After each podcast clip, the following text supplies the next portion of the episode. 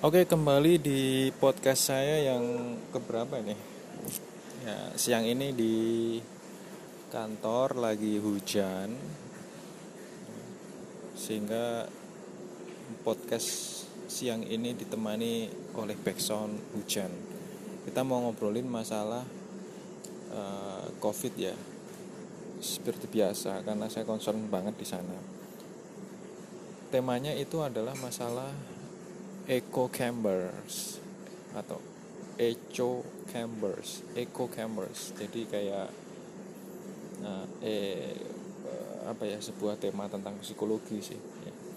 intinya gini kenapa banyak kenapa banyak orang itu tidak mau mendengarkan pendapat sains untuk mematuhi protokol kesehatan pandemi? Ini banyak banget saya jumpai di media sosial ya. eh, nggak tahu kalau di lapangan mungkin dalam hati pengen bantah tapi diiyain gitu ya. Tapi kalau di media sosial kan bebas mau nulis. Nah jadi kondisi sosial seperti ini itu terjadi saat pandemi menunjukkan kecenderungan masyarakat itu hanya mau menerima gagasan yang ia yakini aja. Ya, berkumpul dengan orang-orang yang sepemikiran aja. Atau istilahnya tadi apa echo campers nah, jadi kenapa banyak orang yang tahu corona ada tapi malah berwisata keluar kota Terus kenapa banyak orang setelah membaca berita kasus corona semakin naik, semakin tinggi, lalu esoknya tetap berkumpul bersama komunitasnya? Ya. Jadi ini dijawab ya, berdasarkan penelitian oleh Pandemi Talks ya. Ada seorang eh, responden menyatakan namanya Herdi Imunisiawan ini. Kayaknya ini nama nama anonim. Dia bilang gini, aku yakin apa yang aku yakini. Katanya temanku di grup WhatsApp bahagia itu bikin imun kuat semua temanku liburan dan masih hidup sampai sekarang. Jadi aku tetap mau jalan-jalan biar happy dan kebal. Kami sepakat corona itu ada, tapi nggak semenyeramkan itu. Jadi gini, itu kayak mirip-mirip pemikirannya Anji lah. Pemikiran Anji. Corona ada tapi nggak semenyeramkan itu. Nah kondisi sosial yang terjadi saat pandemi ini menunjukkan kecenderungan itu hanya mau menerima gagasan dari orang-orang yang sepemikiran aja. Gitu ya. Terus kenapa banyak orang yang sebenarnya banyak yang terinfeksi ya? Ngerti banyak yang terinfeksi dan meninggal karena corona.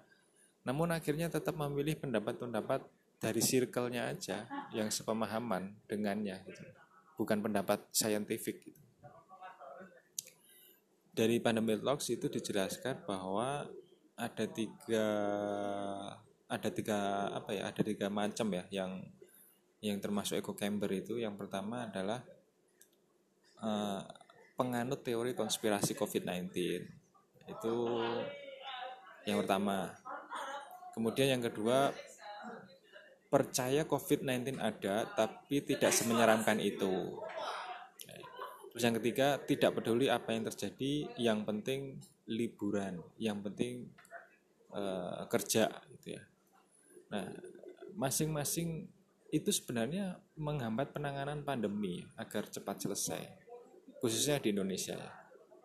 Jadi masing-masing eco camper tadi itu saling sibuk bergema memberikan pendapat dan informasi yang ya itu itu aja gitu. Lalu pendapat dan informasi tersebut mantul kembali ke dia ke dalam ke dalam komunitas itu. Jadi tidak ada sudut pandang baru dalam setiap echo chamber itu karena noise informasi yang sama akan datang kembali terus-menerus. Kemudian pertanyaan lagi, kenapa banyak orang yang follow dan likes akun edukasi COVID-19 namun mereka tetap sulit menjaga jarak dan mobilitas? Kenapa banyak orang yang merasa bahwa di feed Instagram, Facebook, Twitter tidak merasa bahwa pandemi itu ada dan menyeramkan? Jadi ada namanya algoritma sosial media penyebab echo chamber pandemi itu filter bubble ya. ini dia itu bekerja menyaring feeds atau isi lini masa hanya dengan yang sesuai dengan yang kita sukai kan begitu. Ya, algoritma ini membuat tempurung informasi masing-masing user atau netizen. Filter bubble ini merupakan isolasi informasi sebenarnya berdasarkan ketertarikan netizen dan memberi saran berdasarkan perhitungan asumsi dari ketertarikan tersebut. Ini contoh begini uh, misalnya netizen yang sejak dulu menyukai hal-hal yang berbau teori konspirasi saat pandemi ya disuguhkan konten-konten atau akun yang menganut teori konspirasi oleh sosial media sehingga segala informasi berdasarkan sains dan data tidak akan didapat kebenaran yang diyakini adalah konspirasi netizen yang sejak dulu menyukai hal-hal yang berbau liburan saat pandemi ya akan disuguhkan konten yang atau akun traveling dan vacation sehingga akan terjebak bias bahwa pandemi tidak ada karena informasi yang didapat hanya orang-orang yang liburan saat pandemi. Ya. Terus ada lagi penyebab echo chamber itu adalah homopili ya. Homopili itu kecenderungan kita untuk berteman dengan orang-orang yang memiliki, memiliki kemiripan seperti kita contoh suku, hobi, cara berpikir dan lain-lain. Terus bias konfirmasi, apa itu? Bias konfirmasi itu kecenderungan psikologis kita untuk mencari informasi yang menegaskan apa yang sudah kita ketahui. Sering disebut bias konfirmasi. Jadi homopili dan bias konfirmasi itu adalah salah satu alasan pandemi semakin meluas karena orang-orang tersebut lebih cenderung berteman satu sama lain sama-sama terjebak bias konfirmasi dan dan berbagai lingkungan yang mendorong perilaku melanggar protokol kesehatan. Tuh. Terus ada satu lagi yang ingin tak jelaskan, logika biner masyarakat memperuncing echo chamber. Apa itu? Kosong ya, logika biner kan, bilangan biner itu Logika biner itu gini, Cara berpikir logika biner ini membuat seolah-olah dalam merespon suatu data atau informasi atau fenomena itu hanya dari dua kesimpulan atau dua spektrum saja yang disediakan. Seperti gini, namanya penyakit ya harus ada gejalanya. Jadi tidak mungkin ada namanya orang tanpa gejala. Ini ini ini satu contoh ya. Jadi ini ini logika biner namanya.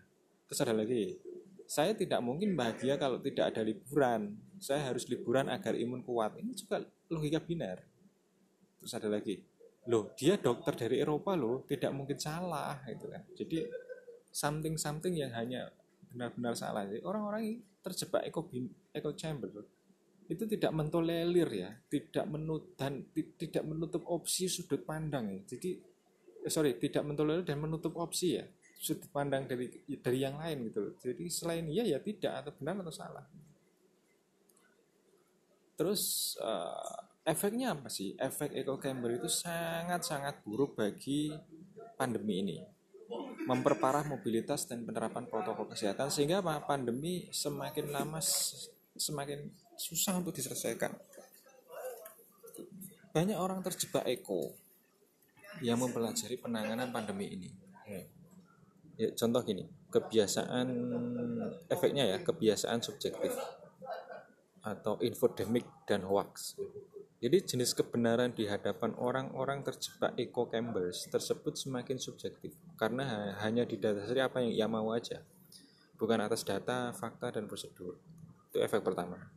Efek keduanya memperparah polarisasi sosial. Jadi kebencian itu tumbuh di mana-mana, menyampaikan pendapat dengan kata-kata kasar dan kebencian. Hal ini karena apa? Kebenaran subjektif dianggap sebagai kebenaran mutlak yang harus dibela dan orang-orang yang berseberangan dibenci. Saya yang kebetulan sangat care kepada COVID, mungkin dibenci oleh orang-orang yang itu tadi antipati terhadap COVID. Begitu ya. Jadi sebaliknya. Stigma dan fitnah itu yang ketiga efeknya. Stigma dan fitnah. Jadi profesi nakes atau tenaga kesehatan itu adalah yang sering terkena stigma dan fitnah tanpa bukti dan data yang kuat saat pandemi. Padahal tenaga kesehatan itu berjibaku demi keselamatan masyarakat. Ya, uh, ada bilang rumah sakit mau covid kan, ada yang bilang nakes jadi kaya raya, macam-macam. Terus pandemi akan semakin lama selesai. Jadi ujungnya pandemi akan semakin lama semakin selesai karena apa? Semakin banyak yang melanggar gitu bukannya kita grafiknya menurun tapi naik terus. Kalau naik terus iya repot semua gitu kan. Jadi gimana caranya kita keluar dari echo camber pandemi? Pertama sadari echo camber itu nyata. Real. Bahkan sejak apa? Sejak pemilu kemarin terjadi echo chamber. Hanya lingkup-lingkupnya dia aja. Hanya lingkupnya cepong hanya lingkupnya kampret gitu jadi pasti ya gitu efeknya. Kemudian yang kedua cek apakah kita hanya mendapatkan informasi dari satu sumber saja atau dari satu orang saja? Itu tolong harus di cross check lagi.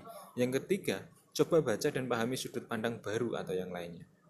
Oh iya ya kenapa gue gini ya? Coba dari sudut pandangnya cek. Siapa tahu ada sudut pandang yang lain. Kita harus keluar dari tempurung. Jadi kita ada bisa melihat sudut pandang nakes itu gimana sih? Sudut pandangnya satgas itu gimana sih? Sudut pandangnya orang-orang yang care terhadap covid itu gimana sih? Kok bisa bilang seperti ini kan begitu? Terus berpikir secara holistik dengan cara metode scientific ya. Jadi harus ya sedikit banyak harus banyak membaca sains dan percaya. Oke sekarang apakah teman-teman ada dan circle teman-teman termasuk dalam ruang gemak eco camper tersebut? Kita harus sadari ya dan intinya gini kita harus banyak informasi dan literatur dari sains yang resmi ya bukan abal-abal. Semakin kita patuhi protokol kesehatan semakin pandemi pandemi ini juga lekas selesai. Nah ini ada satu yang menarik ya. Ada di sebuah komentar di pandemic talks itu bilang gini apa sih bedanya orang apa sih bedanya orang yang keluar kota dengan orang yang pergi kerja ke kantor ya kan sama aja sama-sama pergi keluar rumah ketemu banyak orang. Apa yang salah dengan keluar kota? Masalahnya adalah orang-orang yang menerapkan prokes atau tidak keluar kota sekalipun kalau dia patuh prokes kan nggak ada masalah kan?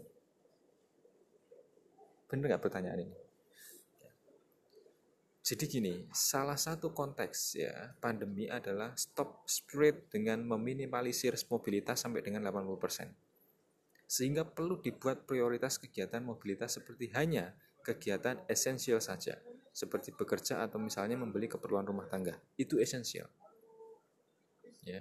Jadi kalau liburan atau keluar kota itu kan gak esensial. Lawang kita ke, ke, kerja keluar kantor aja bisa menyebabkan spread apalagi ditambah liburan.